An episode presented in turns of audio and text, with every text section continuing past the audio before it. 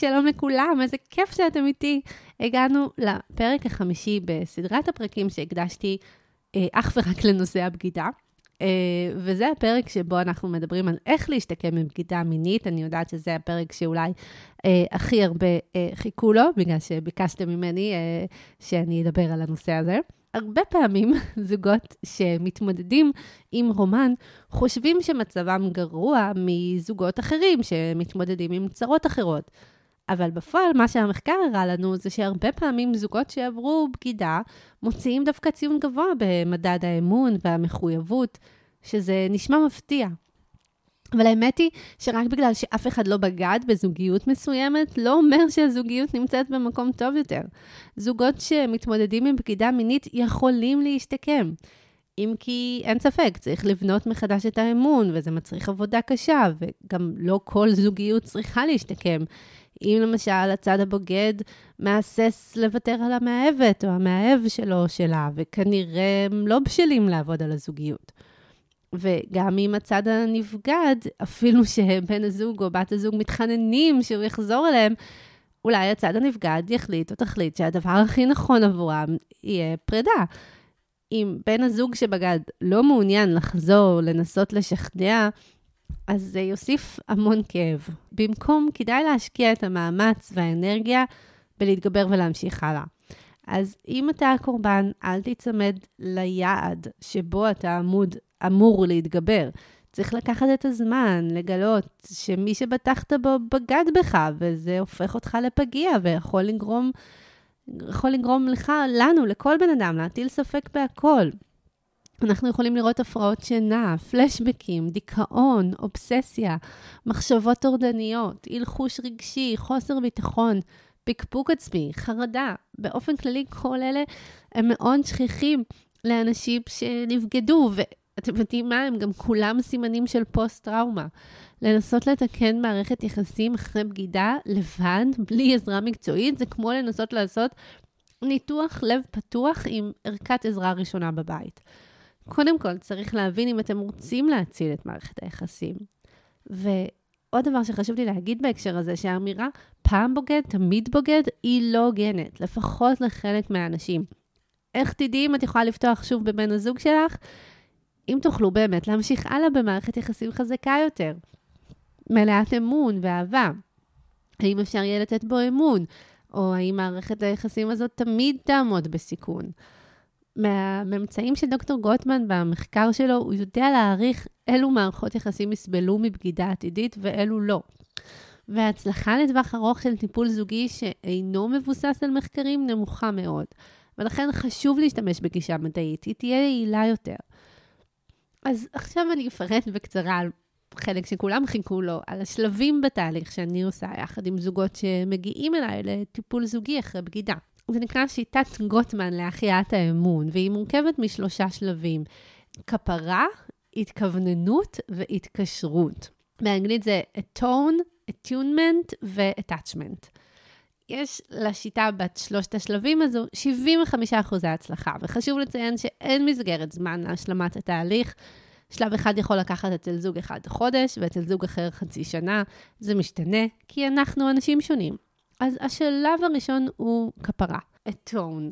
בנייה מחדש לא יכולה להתרחש מבלי שהצד הבוגד לא מביע חרטה. הוא צריך להבין, מי שבגד, שבגידה מנפצת את הבית הזוגי כולו, ולכן ייתכנו מבטים סקפטיים או ציניים מצד הצד הנבגד, בזמן שהוא מביע חרטה.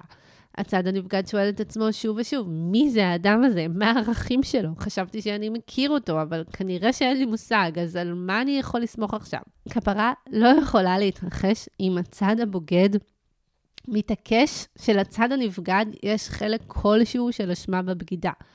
משפטים כמו, הפסקת להתייחס אליי, או לא נתת לי כבוד, או לא שכבנו כבר חצי שנה.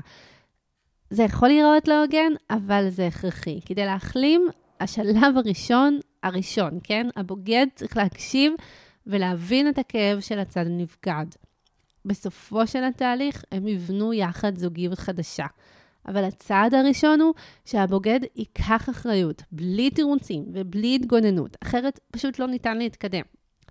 יחד עם זאת, הצד הנפגד צריך להשאיר דלת פתוחה לסליחה. אם הוא או היא יהיו תקועים בפגיעה ובכעס שלהם, אז הם לא יוכלו להתגבר על הקונפליקט כזוג. שני הצדדים צריכים להתאמץ באופן זהה וליצור שיתוף פעולה. כפרה היא תהליך כואב, אבל הזוג יוצא מתוכה עם הבנה, קבלה, סליחה ותקווה. אז המרכיבים שלה, הדבר הראשון שצריך לעשות זה וידוי. הצד פגוע ידרוש כנות מלאה לפני שהוא יוכל להאמין שניתן להציל את מערכת היחסים.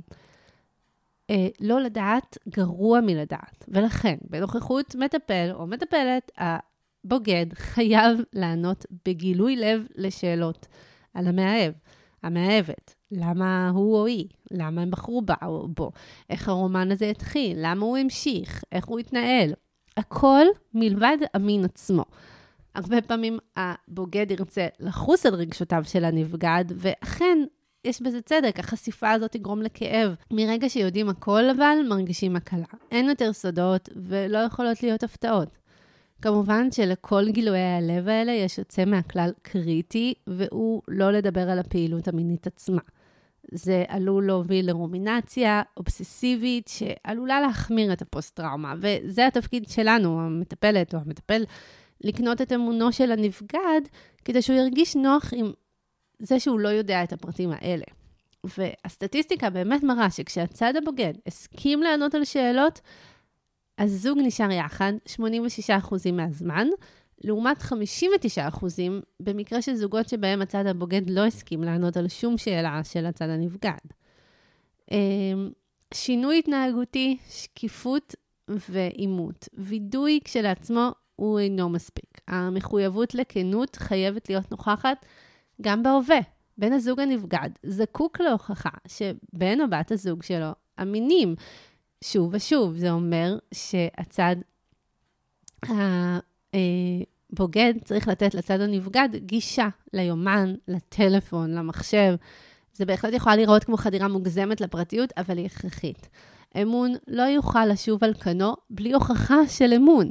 שקיפות ועימות אומר לקיים הבטחות, ולא לעשות פעולות שעלולות לעורר חשד, כמו לילות ארוכים במשרד, או יציאות בשעות לילה, או כל פעילות אחרת שעלולה להיות מפתה עבור הבוגד, שיהיה עלול לפגוד שוב. אם הרומן יתרחש בעבודה, אז התפטרות זה לא משהו שתמיד יהיה ריאליסטי, וצריך לקחת צעדים שכן יבטיחו את האמון בין בני הזוג, כמו לנסות להתחמק מהמאהב או מהמאהבת בעבודה ככל האפשר. אה, ובמקרה של יחסי מרות זה כבר יכול להיות מסובך יותר, ובדברים יותר ספציפיים אנחנו עובדים ביחד בקליניקה למצוא פתרונות. Uh, צריך להבין מה השתבש. שני בני הזוג צריכים להבין למה הבגידה קרתה, וצריך להבין את הפרטים לעומקם. חפירה בשאלות כאלה תמנע התכנות. הבוגד חייב להימנע מלהאשים את הנבגד. Uh, המטרה היא להבין מה השתבש ולא לחפש אשמים. אנחנו הם אלה שאחראים למעשים שלנו, ולקיחת אחריות היא חלק מאוד מאוד חשוב ומהותי מהריפוי. Uh, להבין מה הסיבות שהובילו את הבוגד לחזור. וזה הרבה פעמים דורש מהבוגד להבין מה היו הרגישויות שלו. Uh, הוא לא הרגיש תמיכה, הוא לא הרגיש נחוץ, ולמה הוא רוצה לחזור, אה, מה הוא כן רוצה להרגיש, ולקבוע מחיר גבוה לבגידות הבאות. הבוגד מוכרח לדעת שכל בגידה בעתיד תוביל לסוף המוחלט של מערכת היחסים. לא תהיה פה הזדמנות שנייה. ידיעה של ההשלכות, מה שנקרא, במרכאות, עונש, אני שונא את המילה הזאת, מחזקת, היא גורמת לכך שלא תהיה באמת פעם נוספת. ושלב מאוד חשוב אחרון, הוא להתחיל לסלוח. בן הזוג הפגוע מקבל את ההתנצלות ומתחיל לסלוח. וחלק מההבנה בלסלוח היא שאנחנו מבינים שכל אחד יכול לפעמים להיות לא אמין, ולכולנו מגיעה מחילה, בעיקר כשאנחנו רואים שבן הזוג משנה את ההתנהגות ועושה את העבודה. השלב השני הוא התכווננות, attunement. התחושה העמוקה שאנחנו יודעים ומכירים את בן הזוג, מה שהוא המגן האולטימטיבי מפני חוסר נאמנות. לחלוק את נקודות החולשה הכי פגיעות אחד של השנייה. זה גורם לכך שאנחנו לא נרגיש שקופים או בודדים, והם שני כוחות שהם מאוד חזקים נגד בגידה. בנוסף, צריך להבין שמערכת יחסים אחרי בגידה היא אחרת. זו מעין גרסת 0.2 של הזוגיות שלכם. וכדאי מאוד לשתף את הסביבה, את הילדים, את המשפחה, את החברים, שאתם עובדים על שיקום האמון ביניכם. זה עוזר למערכת היחסים להרגיש אמיתית, וגם עוזר להשיג תמיכה מהאנשים שהכי קרובים לנו ואולי יכולים לעזור לנו. השלב השלו, השלישי הוא התקשרות, attachment. אחרי הבגידה, הנבגד בדרך כלל פוחד לסכן את עצמו במגע פיזי עם הבוגד. רגשות של פחד, כעס ופגיעות עולים. אבל אם בני הזוג נחושים לעבוד על הקשר, היכולת להתכוונן צריכה להגיע גם למיטה.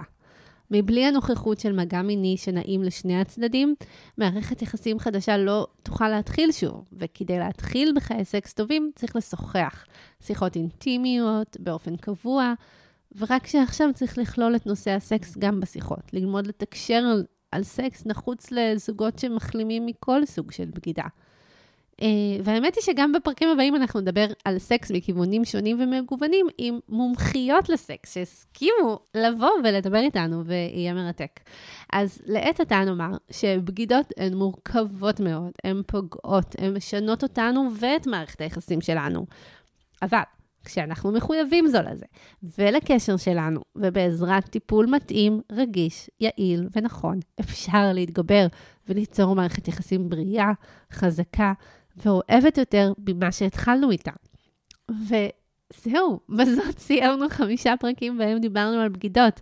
אני מאוד מקווה ש... שהיה לכם מעניין, ואין לי ספק שה... שהפרקים הבאים עם המומחים שלנו יהיו ללא ספק יותר מרתקים. אז אה, אתם מוזמנים לכתוב לי בקשות, שאלות, הבהרות, כל מה שאתם רוצים, הצעות לשיפור, הצעות לשימור, אה, ואנחנו נתראה בפרק הבא בהתרגשות גדולה.